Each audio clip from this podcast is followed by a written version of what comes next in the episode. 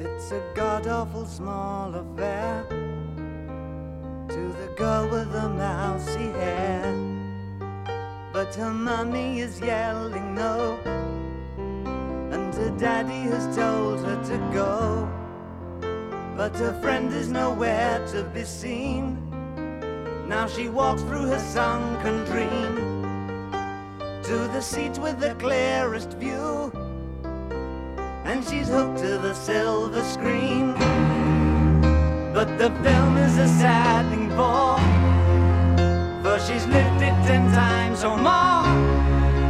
She could spit in the eyes of fools if they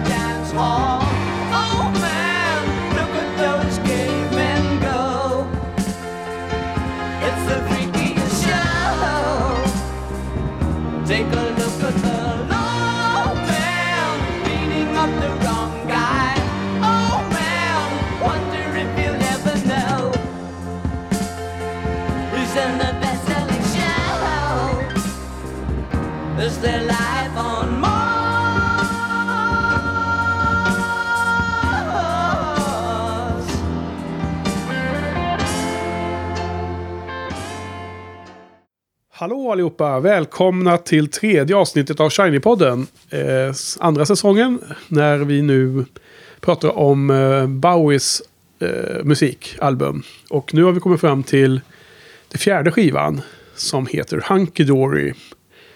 Och den är ju då eh, från 1971 och släpptes i december 1971. Ja, så vad, vad kan vi säga om den här skivan då? Vad tycker du om den här? Ja, alltså det här eh, tycker jag ju är det, det är den första Bowie-skivan som är riktigt superbra.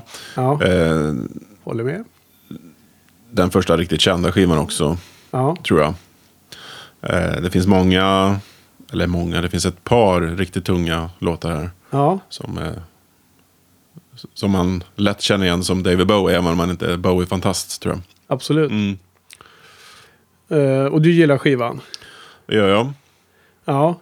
Jag vet inte om vi vågar oss på någon slags eh, total ranking av alla skivorna i slutet av mm. poddningen. Men eh, eh, det kanske kan vara kul att pröva. Se om, om vi får stor variation.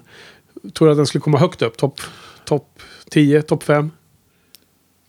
Ja, kanske inte topp fem, eh, det, det, jag vet inte riktigt. Men topp 10 är det nog garanterat, det tror jag. Ja. ja Ja, nej. Kul att höra. Det, jag håller med. Det är ju superbra skiva. Och eh, om man skulle tipsa någon som var intresserad av Bowie och skulle vilja lyssna på några eh, kronologiskt, då skulle det här kunna vara en bra startpunkt till och med. De här första skivorna, skulle man, de första tre skivorna skulle man kunna skippa i det läget. Och bara plocka upp dem senare om, om vederbörande har fastnat för de, de mest kända skivorna. Eh, det håller jag helt med om. Ehm, den, den uh, pikar ju också på tredje plats på UK-charten då. Så den, den eh, slog ju igenom stort då. då. Ja. I USA var den eh, på, inte, eh, kom den inte upp på topp 50 ens någon gång. Så att det var inte lika, lika eh, lyckosamt där borta. Ehm, vi, ja, eh, man tänker lite på um, skivans mest kända eller ikoniska låt. Då. Det har ju varit väldigt tydligt de första två skivorna som vi har pratat om. Skiva två och tre. Först var det Space Oddity och sen var det The Man Who Sold the World som jag tycker ändå är de mest kända låtarna. Oavsett vad man då tycker för personliga preferenser. Här, här är det lite svårare faktiskt att lyfta upp det. Så vi får väl komma till det när vi kommer in på låtvalen här då. Men det finns väl åtminstone några låtar som kan aspirera på att vara det mest kända från skivan. Fast jag har en ganska tydlig åsikt om vilken som är skivans mest ikoniska låt. då. Ja, det, det tror jag ändå är ganska tydligt. Ja, då måste vi ändå landa i det Ja. nu med en gång. Så, Ja. eh, Undrar om vi menar samma, för att menar, det, det kan ju vara Changes också. Mm, det kan vara det. Fast jag menar på att det är Life on Mars. Det är Life on Mars, ja. Ja, precis. Helt klart, tycker ja, jag. ja, då är vi överens i alla Ja. fall. Det var vi inte för clearat med varandra, så det är ju tur det då. Ja, men så, så, så, så, så den låten tror jag nog att vi har inlett hela avsnittet med också, hoppas jag. Att jag fick till det i klippningen. Eh, och den är ju, eh, vi, ja, vi, vi, vi får komma till den, men det är skivans ikoniska låt. Då, Ja. får vi utse den till. Okej då, här har vi då, eh, vilka musiker har vi på skivan? Vi har då Mick Ronson igen och det är ju som sagt som vi nämnde förra veckan att det här är ju liksom, eh, det här växer ju till sig och bygger på in till Ziggy Stardust Mm. Det här är väl egentligen samma band som är på Siggisen. Det är ju då Mick Woodmansey på trummor. Och sen har vi då den här basisten som jag eh, tappade namnet på förra, förra gången vi, när vi pratade om förra skivan. Det är ju Trevor Bolden heter han, basist. Och sen är det ju då en otroligt viktig central eh, musiker på den här skivan. Det är ju på piano då Rick Wakeman från eh, symfonrockgruppen Yes. Och en, också en känd eh, studiomusiker. Jag tror han spelat med Elton John och något liknande. Alltså så, känd, kända artister då, då. Rick Wakeman. Och han är ju ganska, tycker jag, inflytelserik på den här skivan. Jag eh, trodde det skulle vara Mike Garson, men han kommer, kanske, han kommer ju senare då, antagligen. Jag vet inte när han började. Kanske dyka- kom in från min nästa skiva, eller? Sigge? Jag vet inte, eller om det var till 74 till och med. Vi har ju inte riktigt den här superkollen på alla detaljer, men... eh, Nej, vi får läsa på inför varje skiva. Ja, mm. Eh, precis. Men eh, Carlos Alomar då, när, när kommer han med? kommer han vi först? får vänta till eh, 74 på det tror jag. Ja, okej. Mm. Ja. Men alltså... eh, eh, ett skönt pianosound helt, helt klart. Jag gillar piano. eh, det tillför ganska mycket. Mm. Eh, jag tror inte de var med. Han hade ingen piano med på de två första skivorna va? Nej, Ah, Jag, vi vet det kanske han hade. Men här är det med mycket. Eller så. här hörs det mycket. Mm, Ja. ja. Eh, ska vi börja... Vi kan ju återkomma till andra eh, aspekter också. Men vi kan börja eh, kolla lite låtarna då. Det är ju... Eh, skivan är då 42 minuter lång. Mm. Får en minut mer än förra skivan. ja. Value. 11 låtar blev det av det. Mm. Sex låtar på första sidan av LPn och fem låtar på andra sidan. Mm. Börjar då med låten Changes. And these children that you spit on as they try to change their worlds are immune to your consultations. They're quite aware of what they're going through. Changes. and face the strange. Changes. Don't tell them to grow up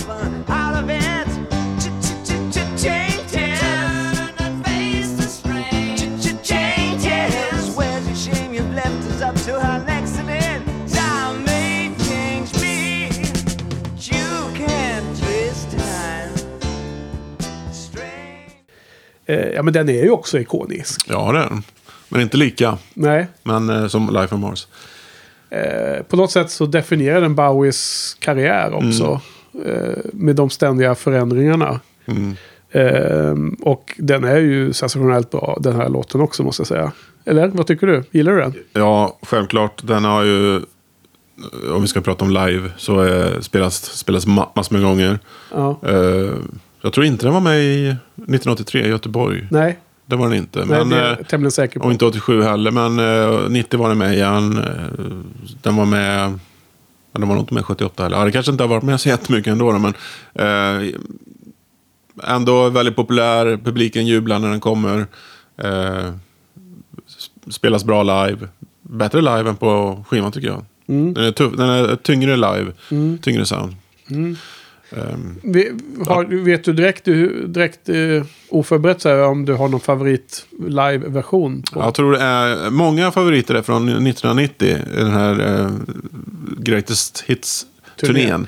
Ja, men det finns ju inte någon uh, skiva från den. Nej, okej. Man tar... Men anledningen till att jag gillar den turnén är att det var, han hade ett väldigt tight band. Alltså väldigt få eh, musiker. Ja. Inte, inte den här uppsjön av musiker eh, som spelar percussion och piano och background singer. Så, utan det här var det ju bara tre, fyra stycken. ja.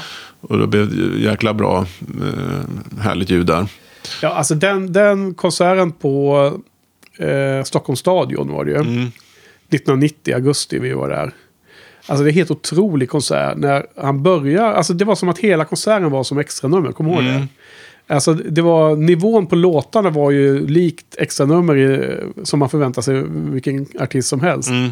Så det var helt grymt på något sätt. Det var, det var någon mini-mini-dipp i mitten när han körde någon udda låt. Mm. Som man inte, kan inte hitta namnet nu på, men som var någon ja, okänd låt för mig, helt Mm. konstigt nog. Om det var någon cover eller vad det var han körde helt plötsligt. Då var det liksom någonting med Red Rose eller vad? Pretty Pink Rose. Ja, just det. körde var, en- han det? Ja, det var en ny låt som han hade skrivit tror jag, men som hade spelats in av hans gitarrister. Och jag tror han heter Reeves Gebrels eller något Ja, ja, ja, ja, ja, han som är med i Tin Machine. ja, just det. Och den var ju, den var ju ingen bra låt Nej. såklart. Nej, och så den gav han till honom för Ja, hans soloplatta? ja, jag tror det. Ja, Okej, det var därför inte jag kände till Då det. skulle den spelas då såklart. Ja, då skulle den promotas. Men det kommer att det var ju som nästan enda Mm. sekvensen i hela konserten som man liksom inte hade en konstant rysning nästan på armarna. Mm. Och eh, han, är ju, han är ju med i Tin Machine och har ju spelat med, med Bowie länge sedan. Ja, och det har han gjort. nu spelar han ju, nu är han ju med permanent i The Cure, det vet du kanske. Nej, det hade jag ingen aning om. De har varit där ganska länge också dessutom. Ja, ja. Så att eh, när de hade den här 50-årsjubileumkonserten för Bowie i New York. På den, eh, med massor med kända artister som var där och spelade låtar med Bowie och så. Då var ju eh, Robert Smith där då. Och det, det är såklart via den kontakten då, då via honom, gitarristen. Mm. Ja. Mm. Okej, så den känner sig jättebra ja. Ja. Eh, absolut. Och sen kommer man direkt in i låt nummer två som heter Oh You Pretty Things. Mm.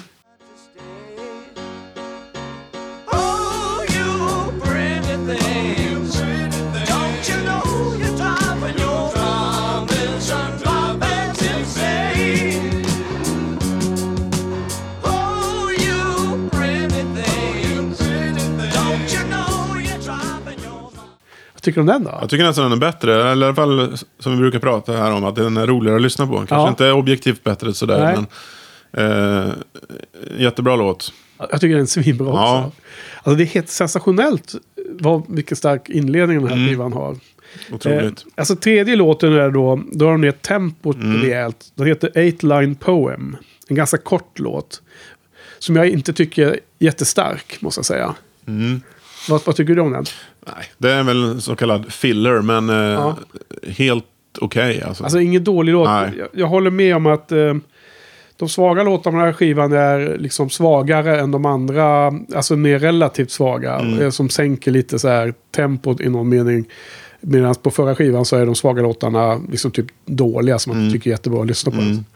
Eh, för sen är fjärde låten Life on Mars. Mm. Eh, ski, skivans höjdpunkt för mig. Mm.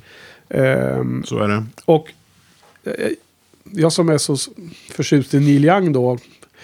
En av hans mest kända skivor är ju Harvest från 1972. Mm. Ehm, med, där den fjärde låten heter Heart of Gold. Eh, Där också första och andra låten är svinbra. Tredje är liksom helt klart en, en filler eller en väldigt annorlunda mm, orkester, en hel orkester i den låten. A Man Needs a Maid heter tredje låten. Den liksom inte alls, passar inte alls in i det där flowet där tycker jag. Ehm, De, de två första låtarna, Out on the Weekend and Harvest, är ju grymma. Och sen, så första, andra och fjärde låtarna på, på den skivan, precis som på Hunky Dory, är ju liksom top of the line och det bästa partiet på hela skivan skulle jag vilja säga. Då. I båda fallen så är det väldigt li, stor liknelse där. Eh, liknar, påminner mig om detta. Mm. Ja, men åter till Life for Mars då. då. Eh, Mm. Här är Wakemans piano väldigt Mm. framträdande och centralt för, för låten. Vad handlar den om då? Det, det som det anses handla om då, då, om man nu ska uttrycka sig, det kanske inte finns några absoluta sanningar här som du var inne på förra veckan. Men det är att det handlar om en känslig, ung tjej. Alltså jag, jag förstår det som en ung kvinna, liksom en tonårstjej ungefär. Som hennes rea- reaktion till populärkulturen, alltså film och annat. Att hon är eh, eh, negativ. Eh, hennes rea- reaktion är att det inte är så bra som hon hade förväntat sig. Så som hon hoppats på. Liksom den drömbild hon hade om det. Tydligen. Eh, du, du ser helt frågande ut. Mm, nej, nej, nej. Jag, jag bara inser att jag Ja. liksom inte alls har lyssnat på texten i de här låtarna. Nej, det, det, Vilket är ganska konstigt egentligen. Ja, det finns ju då de här eh, analyserna på nätet som jag kommer att länka till. För det är mycket svårt att eh, referera dem i en podd känns som. Det ska man läsa och titta på exakt eh, textraderna och tolka de här sakerna. Det var lite lustiga beskrivningar av, av den här låten i alla fall som jag stötte på där då. Det var någon som, som hade beskrivit den att det var som en musikens eh, motsvarighet till Salvador Dalis målningar. Mm. Så att det var någon som var väldigt eh, eh, offensiv i sin beskrivning där tror jag. Ja. Eh, som sagt, jag kollar i show notes så kommer ni kunna läsa mer om det där. Eh, men otroligt bra låt i alla fall. Det här är ju inte bara ikonisk utan eh, eh, topplista eh, av Bowies alla låtar skulle jag säga Mm. i mitt huvud. Om man nu funderar på en sån grej också. Sen är det två låtar kvar på... Men jag måste få säga en sak. Ja, I- ja. I förra veckan pratade vi om um, Beatles-referenser i, Ja, i låten. just det. Och den gången var det ju i låten Older Madman han, han skrev att The Beatles split on me. Ja. Mm. Beatles splittrades ju i maj 1970 när han spelade in de här låtarna. Och här är det en referens till Lennon bara. Len, Lennons on sale again. Just det. Och Lennons är ju då såklart John Lennon och Yoko Ono. Ja. Som var väldigt profilerade politiskt i den här perioden då, tyvärr. John Lennon sänkte ju sin karriär 71-72 på grund av sin politiska aktivitet. Då. Give Peace a Chance och allt det här. Ja, Give Peace a Chance var innan, men här var det ju the left wing då i USA och motståndare till Nixon och så här. Så han eh, tyvärr repade sig inte efter det, karriärmässigt efter det. Lennon. Så att, eh, ja, så kan det gå. Men Bowie har en liten referens till honom i alla fall. Ehm, Sen var Bowie och Lennon spelade in tillsammans, men det kommer vi till senare ja, såklart. Mm. låten Fame ja. Ehm, precis. Ja, den, här, den här låten är ju... Jag roar mig med att kolla var... Den finns ju, poppar upp i popkulturen också en hel del. Jag kan ta det nu med en gång då. Alltså dels finns det ju en brittisk tv-serie som heter Life on Mars.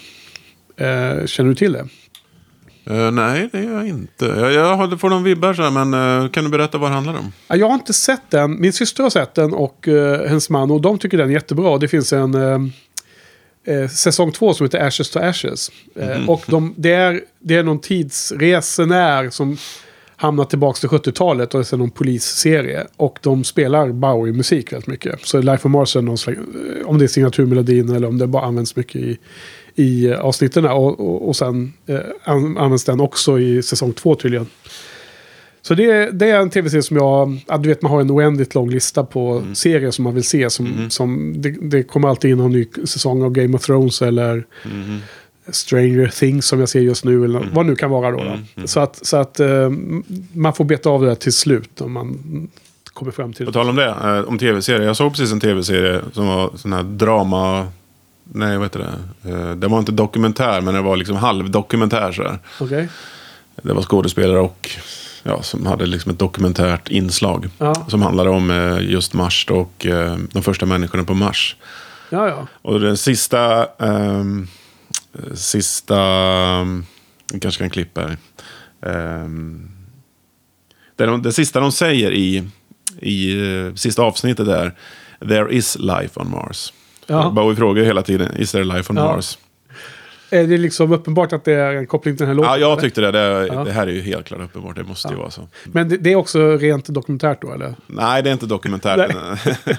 Det, det, Det ja, ja, det, framställs så. det framställs så Ja, precis. okej, ja. Ehm, ja, eh, är den, ehm, går den på tv eller? Eh, jag såg den på Netflix. Ja, okej. Ja, den var ganska okej. Men vad heter den då? Eh, Den heter... Jag tror den heter Mars. Bara. Ah, okej. Den heter Mars. Ja. Mm. Sex avsnitt. Ja, sen är låten med i ehm, eh, Wes Anderson-filmen The Life Aquatic with Steve Zissou. Den Mm. Bill Murray-filmen. Han, den här låten spelas i någon scen där.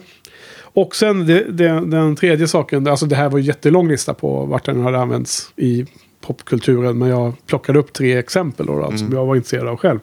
Det finns ett eh, avsnitt i Doctor Who från 2009 som heter The Waters of Mars. Som tydligen den här låten är med.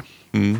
Doctor Who har jag ju sett de två första säsongerna. Okej. Och där ska jag också se vidare. Alltså av den nya Doctor Who. Då, Ja, just det. som Inte den här 60-tals... Nej, inte den där som är oändligt många säsonger Mm. och så. Utan det här som börjar 2005 eller något liknande. Eller någon re reboot av den eller vad det Mm. ha varit. Ja, Life on Mars var här. Sen då, om vi går vidare så har vi ju femte låten på första sidan är ju Cooks. Mm. Vad, vad handlar den om då? Visst handlar det om hans son, va? Ja, Zoe. nej, Duncan. Jo, han heter Duncan, men han kallades inte för Zoe. Jaha, är det han Zoe Bowie? Ja, men det var ju, han heter ju, han är döpt till Duncan. Han heter ju Duncan Jones. Ja, ja. Och han är ju regissör. Ja, Och han har ju gjort, hans debutfilm är ju Moon som jag tycker är en 5 av 5 film. ja just det. Otroligt bra. Mm. Med eh, Sam Rockwell. En- Ensam, enda skådisen i hela filmen. Mm, mycket bra. Eh, sen har han gjort några andra filmer som inte är lika bra då. Eh, han gjorde den här... Eh, ah, det här när de gjorde tidsloop, han åker tåg hela tiden. Och det blir en spräng, Ja, just det. det ja. sprängning, vad fan ja, heter det? Ja, jag minns inte. Men den är också. Eh, är det med Jake Gyllenhaal tror jag? Sånt Ja. där. Ja. Ja, nu står det bara helt still i huvudet på mig. Ja, ja, i alla fall. Nej, men okej, så eh, var det inte så att han typ hade fötts eller så, så skrev han den här låten till honom eller något sånt där. Mm. Det var något sånt. Också ganska udda, lite mer så här cirkusljud Mm. i bakgrunden. Som var på förra skivan också. som vi pratade om förra veckan. Jag tycker att det liksom poppar upp lite då och då. Ehm, vad, vad, vad tycker du om den då? Inte superbra, men äh, återigen alltså en väldigt bra filler. Alltså det är liksom som kuriosa är det ganska Mm, kul. mm. Men det är ingen bra, jättebra låt tycker inte jag. Alltså på något sätt påminner lite om den där eran runt 67. Med allra hans, först, hans allra första Mm, låtar. lite grann är det så. Och det är ju inte ett bra tecken om man säger så då. Men äh, lite upptempo, skojlåt Ja, sådär. mm. Ja, den är lite töntig också. Mm. Sen läste jag en helt absurd grej faktiskt på, på Wikipedia. Här kan man ju ifrågasätta om verkligen internet inte ljuger ibland. För att Mm. här plötsligt så sa det, ah, men det här var ju en pastisch på Neil Youngs tidiga 70-tal. Mhm. För det lyssnar Bowie mycket på då. Och då var, jag- var, jag känner inte igen alls liksom det. Men det kanske man är hemmablind då, för man har hört för mycket på de där skivorna. Mm. Jag menar, Neil Young gjorde väl After Gold Rush 1970. Och det tycker jag inte låtarna är på den här eh, minsta lika den här. Men i alla fall, det var någon som tyckte så. Mm. Okej, eh, så den är lite filleraktig. Sen har vi då sjätte låten, sista på sidan A, är ju då Quicksand heter den. Mm. En innerlig låt har jag skrivit här. Mm. Vad tycker du om den? Mm, Den är ett snäpp eh, upp från Cooks. Mm. Det är klart. Ja, Jag gillar den. Ehm, ja. ja. Ehm, intressant Beatles connection här. Jaha. Fångar du den? Nej, det, vi får se. Hon, Nej. och- Ehm, den är ju, eh, skivan är ju inte producerad av eh, Tony Visconti längre. Utan har hela skivan producerats av Ken Scott. Ja, just det. Som, eh, Som har producerat Beatles. nej, inte, produ- ja, han har varit medproducent tror jag. Ja. Började under The White Album tror jag. Okej. Mm. Och precis innan han gjorde Hunky Dory med Bowie så hade han ju jobbat med George Harrison på All Things Must Pass. Mm. LP, kom den vadå? 71 eller? Eh, nej, den kom i slutet av 70 tror jag. Okej. Mm. Och eh, så man gjorde vissa kopplingar till den ljudbilden och så som han eh, jobbade med, med Harrison. Mm. Försökte han återskapa för Bowie Mm. också. Och det, det läste jag om just runt den här låten. För, Du har säkert hört på den Harrison-skivan mer än vad jag har gjort. Är det? Ja, alltså producenten är ju Phil Spector. Så det är inte Ken Scott som har producerat. Han har ju kanske varit eh, så kallad engineer möjligen. Ah, Okej. Ja, ja, de... Så ja, det är eh, Phil Spector och The Wall of Sound som är framträdande. Eh, för Harrison-skivan? För det här är som skivan. ja, Ah. Okej. Mm. Men han var producent här va? På Hunky Dory? Eh, ja, Ken det, det, det, det är det. Det står här. Jag läser på... Ah, Okej, ja. Okej, så då, då Mm. um, missförstod jag det. Men okej, så han, han var med i något hörn i alla fall och lärde sig att plocka med det. Då. Vadå, Wall of Sound, vad var detta då? Mm. Ja, men det är det här extremt kompakta eh, ljudet som Phil Spector har. Mm. Och mycket eko och så. Just det, han uppfann det ljudet som vi... Ja, just, nu har jag svagt minne av att jag såg något dokumentär om det här på tv. Något liknande. Att innan han började med den typen av ljud så var ju ljudbilden helt annorlunda där på 50-tal och så här 60-tal. Eh, Rockabilly-tiden. Mm. Och sen så blev alla tyckte det var helt eh, fantastiskt när han gjorde Mm. sin grej då. Mm. Vad det nu är för något. Mm. Ekon och annat. Kanske multitrack teknik och sånt eller? Ja, exakt. De har mycket det, overdubs hela tiden. Ja, de, de spelar in om och om igen på Ja. de här få kanalerna som de hade tillgång till.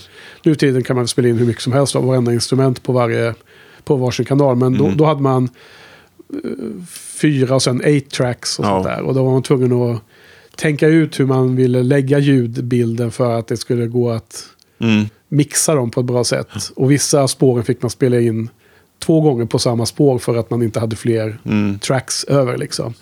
Jag har läst om det här också någonstans. Mm. På någon, någon liner notes i någon, på någon CD-skiva eller något sånt där.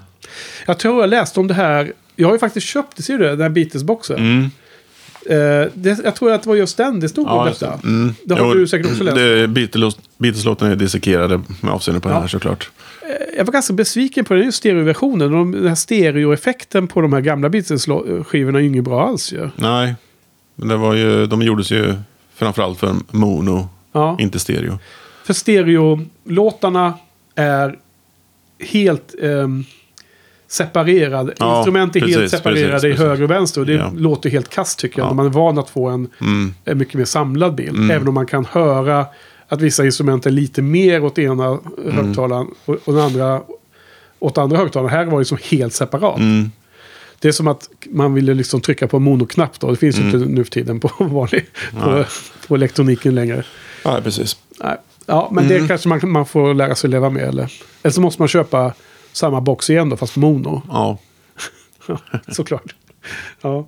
Okej, ja, det var en utsvävning om det där. Men Quicksand, det skulle tydligen vara liknande då som Harrison i alla fall. Jaha. Ja, jag, Ja. jag ser inte riktigt kopplingen här, men... eh, Nej.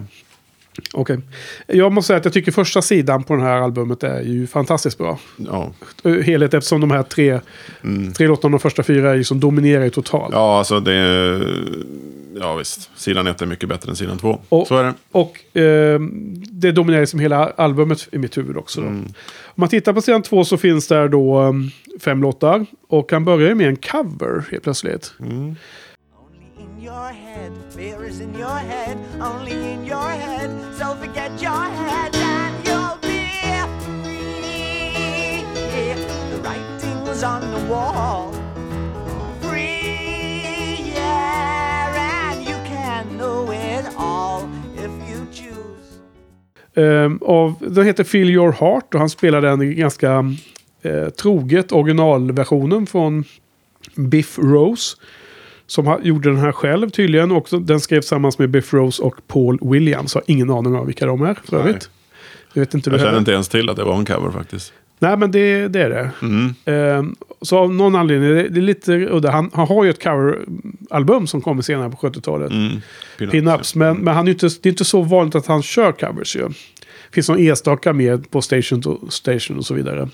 Ja, men det finns uh, Let's Dance har ju cover. Ja, Tonight. Det finns vissa. ja, men ja inte så just det. Tonight har en Mm. massa och mycket Iggy Pop där. Fast där har de ju jobbat ihop. Så att det känns som att det, det finns eh, den cover fast mindre Mm. lång, långsökt. Mm. Eh, och det finns en del live och sådär. Han kör någon eh, Rolling Stones, han kör någon Knock on Wood och allting. Ja, det är klart. Det finns en del.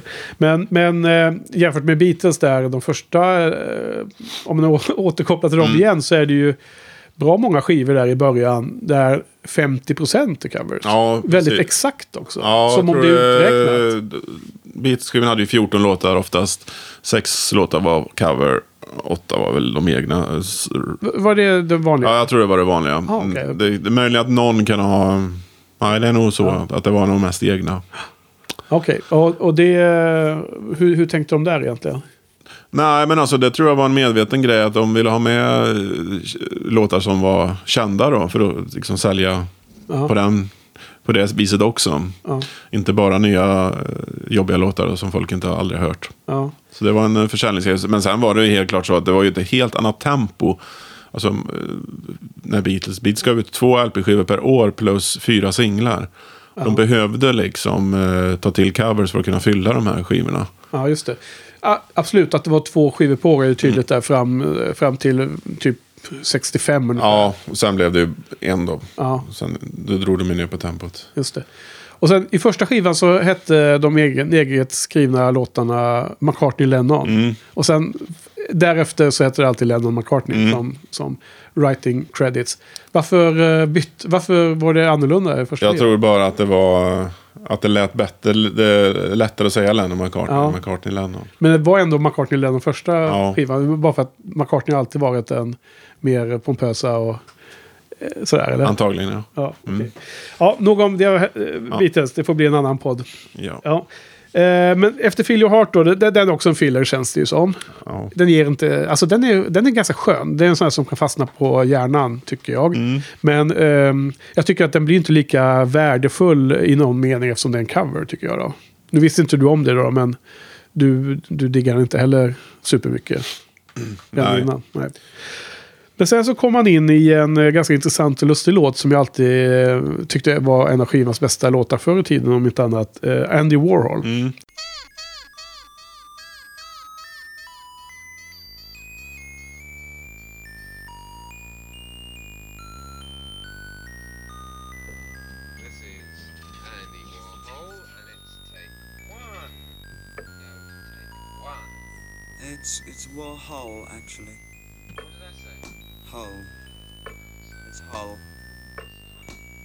Hulls. What? Andy Warhol. Andy Warhol. Like Hull. Hull. Andy Warhol, take one. You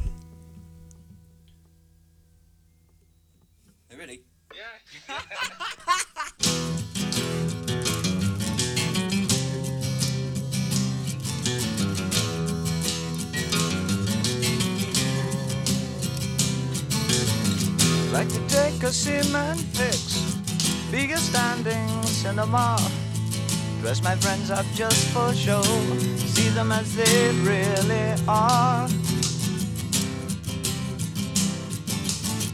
But the people in my brain, two new pens to have a go. I'd like to be a gallery, put you all inside my show. Andy Warhol looks a scream, hang him on my wall. Andy Warhol, silver screen, can't tell them apart at all.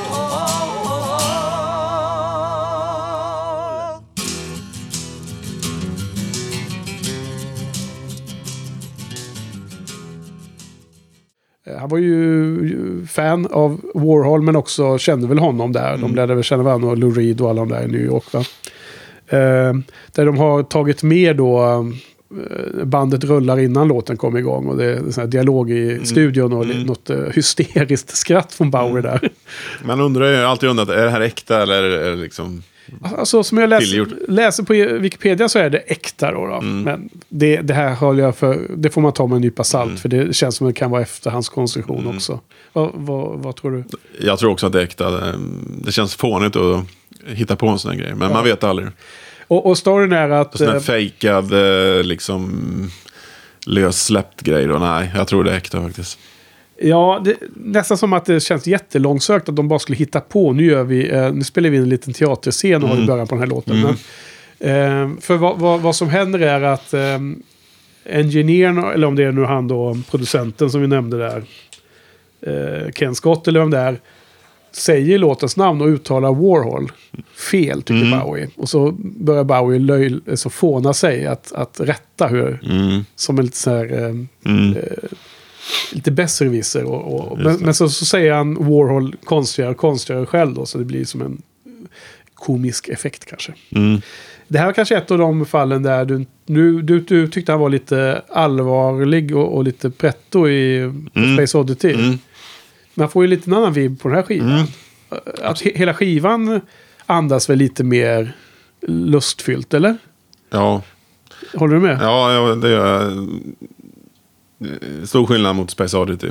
Ändå är vissa låtarna, det här är lite mer, om man jämför med The Man Sold the World så är inte den här alls lika heavy, då, heavy rock så att säga. Utan det är mer tillbaka till Space Oddity kanske. På vissa låtar i alla fall. Men eh, mycket, mycket bättre här.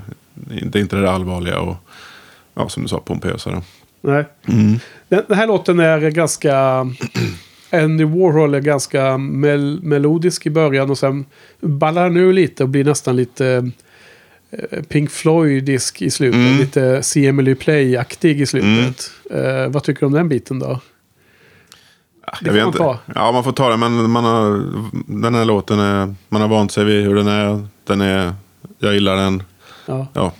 Jo, men det är en av eh, andra sidans roligaste låtar. Mm. Eh, sen nästa då heter ju Song for Bob Dylan. Mm. Eh, som då, det spekuleras i på internet om det här är en hommage. Eller om det är ironiskt. Mhm. För att han, han imiterar ju Dylans sångstil och röst lite med sin egen röst. Och han, även musikaliskt Ja. så påminner det mycket av Dylans eh, låtar den här tiden.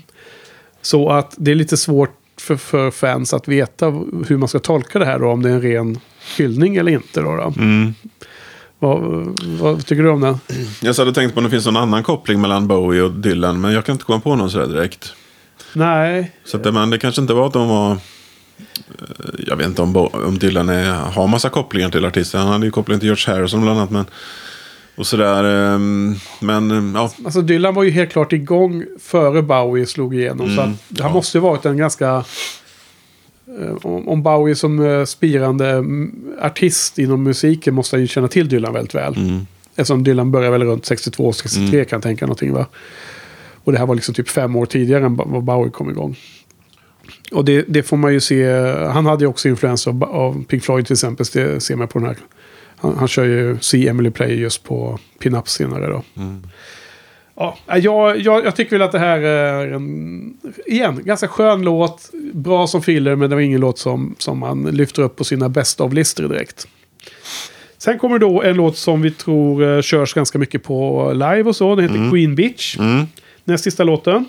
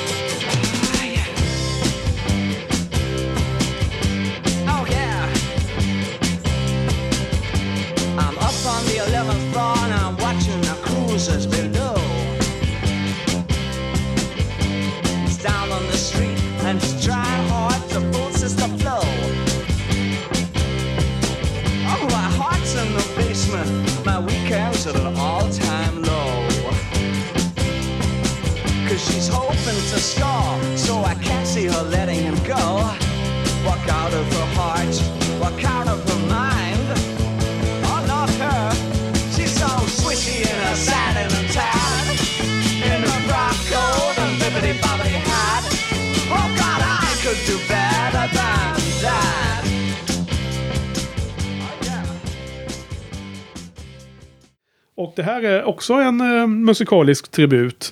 Vet du, kan du gissa det? Sätta det på pottkanten här. ja, det läste jag ju, men nu har jag glömt bort det såklart. Mm, ja, Nej, men hans polare Lou Reed och Velvet Underground. jaha. Som okej. eh, återkommer i den här musikaliska bilden. Då. Mm. Eh, en låt som har kört ehm, live som sagt och lite som är eh, kanske den mest tydliga försmaken inför Siggy. Ja, så är det. Det här skulle kunna vara med på Siggy. Ja, Inget snack om den saken. Mycket spelad live på BBC Radio, men inte så ofta på eh, konserter. Var det, undrar om den var med 76? Var den eller? nej, jag tror det känns som du har bättre koll än jag. Ja. Jag har inte börjat titta på de där liveplattorna ännu. Jag vet, han spelade den ju sen senare, eh, senare, 90, senare delen av 90-talet var den ju med Ja. på, på, på några turnéer. Men eh, ja, vi borde kolla upp det bättre Mm. faktiskt. Ehm, jag tycker det är, det är den här och Andy Warhol och även sista låten som är bäst på andra sidan. Då då. Mm. Eh, Queen Bitch då innan vi lämnar den. Den, den var också med i filmen Life Aquatic with Steve Zissou. Den här Wes Anderson-filmen. Mm. Jag vet inte, du, du, du, har, du, kollat, du har inte sett så mycket av Wes Anderson va? Mm, nej, jag tror inte det. Han är ju, har en e- väldigt egen speciell stil. Eh, jag gillar hans filmer. Men han är ju också känd för att ha väldigt bra soundtrack. Brukar ha, lägga ner mycket eh, energi och välja ut bra låtar, eller rätt låtar och så vidare. Och brukar väl, det är väl antagligen svindyrt att ha med kända låtar i film-soundtrack. Så han verkar ju prioritera det då. Så det är kul att han har med två Bowie-låtar från den här skivan. Eh, sista låten i alla fall, The, the Bewley Brothers, eller hur talar man det här? Mm, The Bewley Brothers. Ja, och jag, när jag var liten så, eller yngre så tänkte jag alltid att det var The Everly Brothers. Som jag kände, så här typ 60-talsband eller vad det är, 50-tal. Men det är ju helt fel ju. Alltså, det, det har jag vetat länge att det inte var det. Men jag vill bara ge den lilla anekdoten att jag misstolkade det i början. Så det här, vad är det här för några bröder då? Har du läst på? Ja, jag har läst på men jag har glömt bort det. Ja, det är nog den här låten. Vi har varit inne på det redan innan. När när det handlar... Tema på de här tidiga skivorna har ju varit mycket med galenskap och det då. Och det är den här låten som jag har skrivit mina notes mest om den här halvbron då. Den här schizofrena Terry Burns. Det ska vara någon gruppering som Bowie hade där med sin halvbror och någon mer. Att, att, de, att han kallade dem... Att det var namnet på den gruppen som Bowie eh, kallade sig då. då. Men eh, i det här fallet så har, har, har Bowie eh, antiförklara texten. att säga att det är bara nonsens. Ni, Det är ingen idé att ni försöker lista ut det. Och så tror alla att det är bara för Bowie vill, vill inte säga vad det egentligen handlar om. ja, men det är så lustigt, för det är samma sak med Neil Young. Liksom. Så otroliga spekulationer om olika texter. Då, då. Och eh, som de flesta bra artister så vill de ju inte förklara sin konst. För konsten eh, är ju lika mycket hur den tolkas i mottagarens ögon eller öron som den, den som skickar ut det. Då, då. Så det är väl korrekt att göra så kan jag tycka. Tänk vad många sådana här eh, eh, fans och nörderier skulle dö om artisterna direkt bara gick ut och sa hur det var. Liksom. Mm. Ingen skulle få spekulera. Nej, det är inget kul längre. Nej. Jag lyssnade på eh, en liveversion här från, jag tror att, kan det ha varit 2000, jag tror det var det. Jaha. Och Det är ganska, ganska roligt. Det är inte från den här BBC-skivan eller? Eh, nej, nej, Nej, nej, utan det, och det lustiga är att han säger att det här är första gången jag spelar den här låten. Just det. Eh, och hoppas, så säger han så här, hoppas ingen eh, säger emot mig nu. Ja. För jag är ganska säker på att det är så. och sen så säger han att, och anledningen då att han inte, eller en av anledningarna att han inte har spelat den förut är att den har mer, eh, mer ord än eh, War and Peace, säger han tror jag. Krig och fred. Lång, lång text. Ja, precis. Ja. Ja, Låten är ju lite drygt fem minuter. ja. Men eh, är det så mycket ord i den här? Nej, det är så jag lång vet text. inte. Det var inget jag tänkte på. Det kanske, det kanske är jobbigt att sjunga av någon anledning. Ja. Men jag, jag tycker den är väldigt bra i alla fall. Mm. Ja, nu i den här genomlyssningen så har den här låten vuxit för mig. Mm. Det var någonting som jag inte alls tänkte på innan. Att det Nej. här skulle vara en bra låt. Ja, jag håller med. Den har faktiskt vuxit. Den- eh, håller helt med. En av de bättre på sida två. Ja. Ja, nej, så att eh, det är lustigt hur, hur de olika mm, sidorna på LP-plattorna är, är olika. Mm. Vi pratade ju om det lite grann eh, f- i första avsnittet här om hur de eh, sekvenserar skivorna. Ja. Att det ska vara bra låt i början och så vidare. ja, du hade den teorin. Mm, ja, det det- börjar ja, och avslutas med bra låtar. Ja, helst början och sluta varje sida. Ja. Här tycker jag de kanske... De har ju, sidan ett är ju så pass mycket bättre än sida två tycker jag. Ja. Men det kan ju vara någon tanke.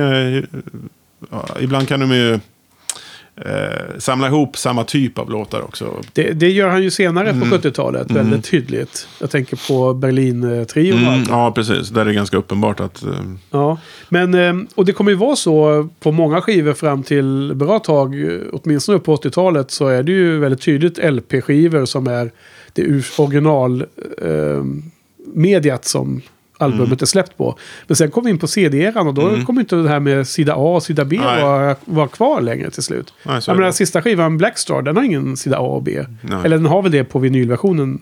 Men det är inte så att man själv tänker det på det sättet. Det är bara att lyssna på albumet rakt upp och ner. mm. Det, vi får väl eh, analysera den skillnaden när vi kommer dit, antar jag.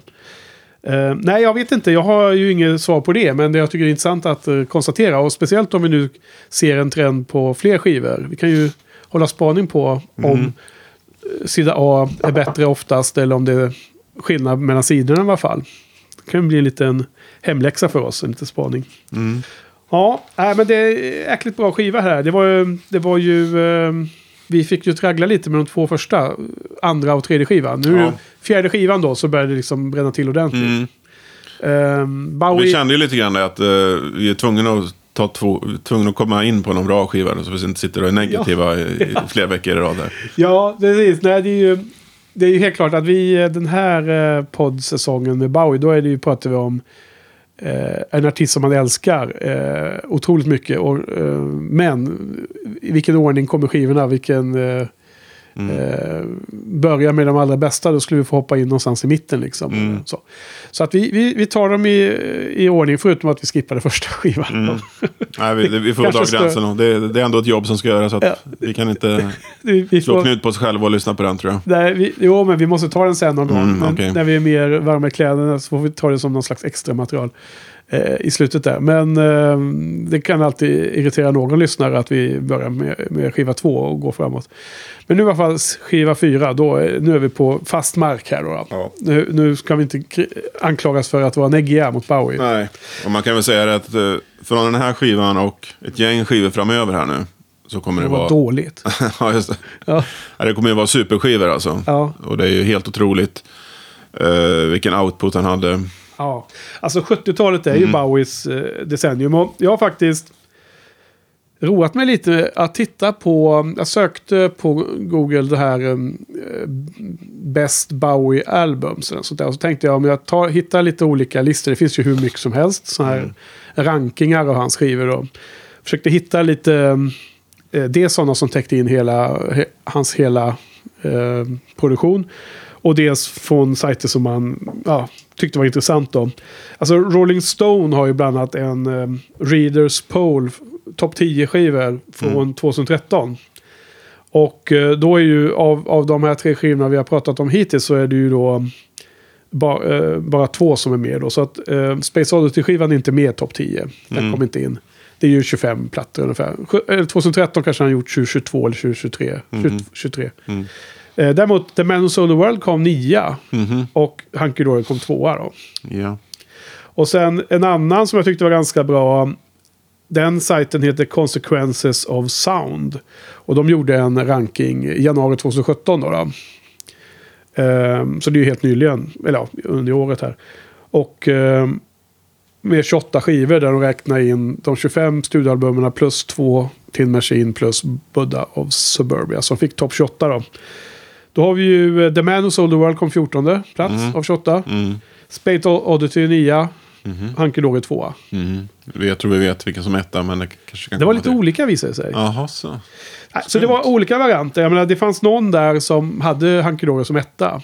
Och det fanns någon som hade Hunky Dory som eh, sämre. Top, bara topp 10 och sånt där någonstans. Jag hittar inte det i alla listor här nu. Jag skriver ner här till sn- snabbt.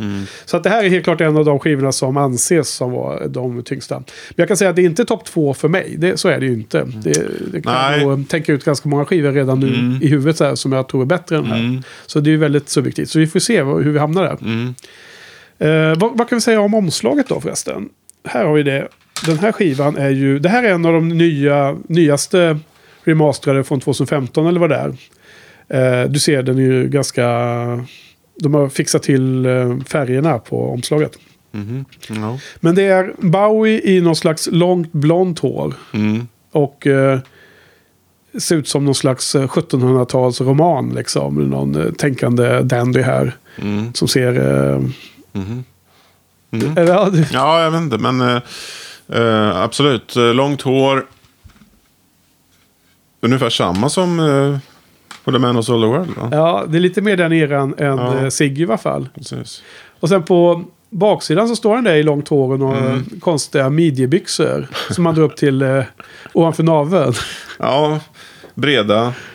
Ja, 70-tal. Ja. Ja, nej, men det, det skulle vara så på den tiden. precis. Ja. Ja, men det, jag lägger upp de här bilderna får man titta på det själv då. Mm. Ha, har vi något mer då som vi har glömt nu? Nej, det, det tror jag inte. Vi måste ju ge betyg. Ja, betyg har vi glömt också. Precis. Ehm, ja, du får ju eh, köra först som vanligt.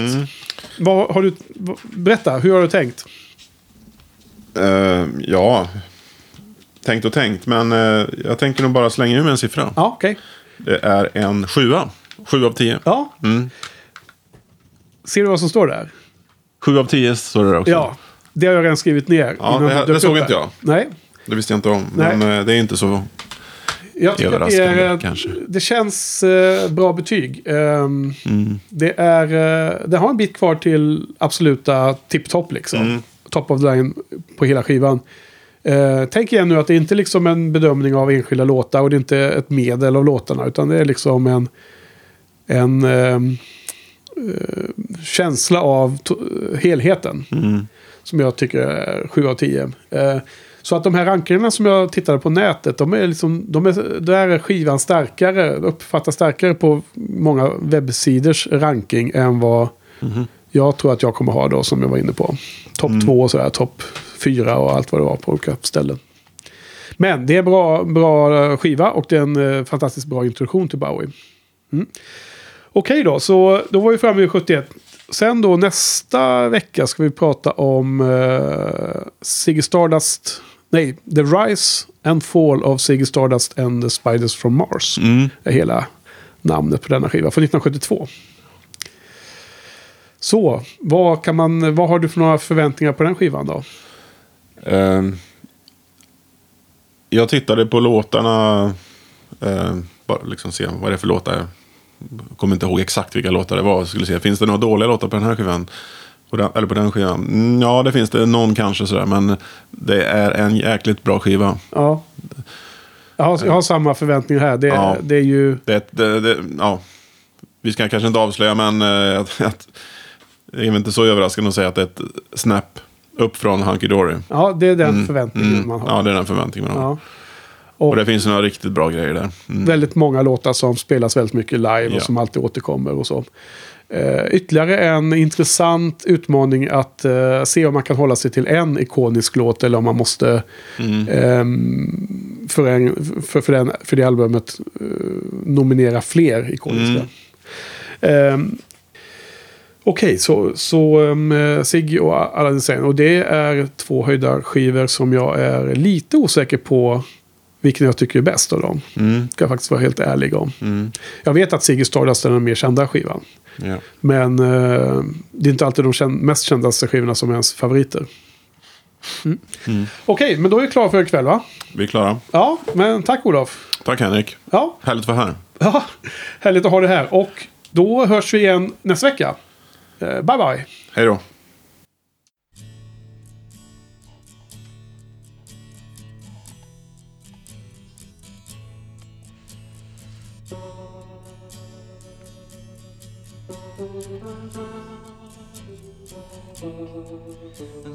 Story goes, they wore the clothes, they said the things to make it seem improbable.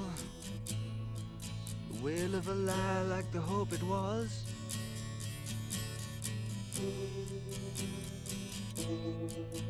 And the good men tomorrow had their feet in the wallow and their heads abroad when ice are shorn and how they bought their positions with saccharine and trust and the world was asleep to our latent fuss.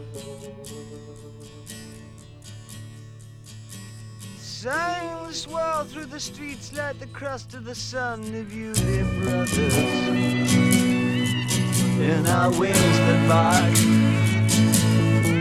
flashing teeth of brass, standing tall in the dark.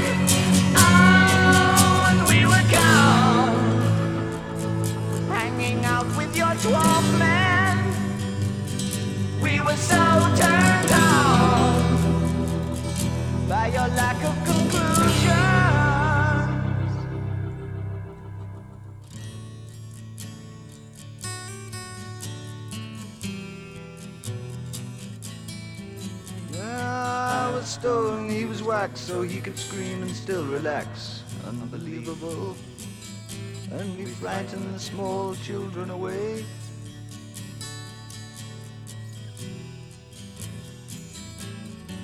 And our talk was old, and dust would flow through our veins, and lo, it was midnight back at the kitchen door, like the grim face on the cathedral floor.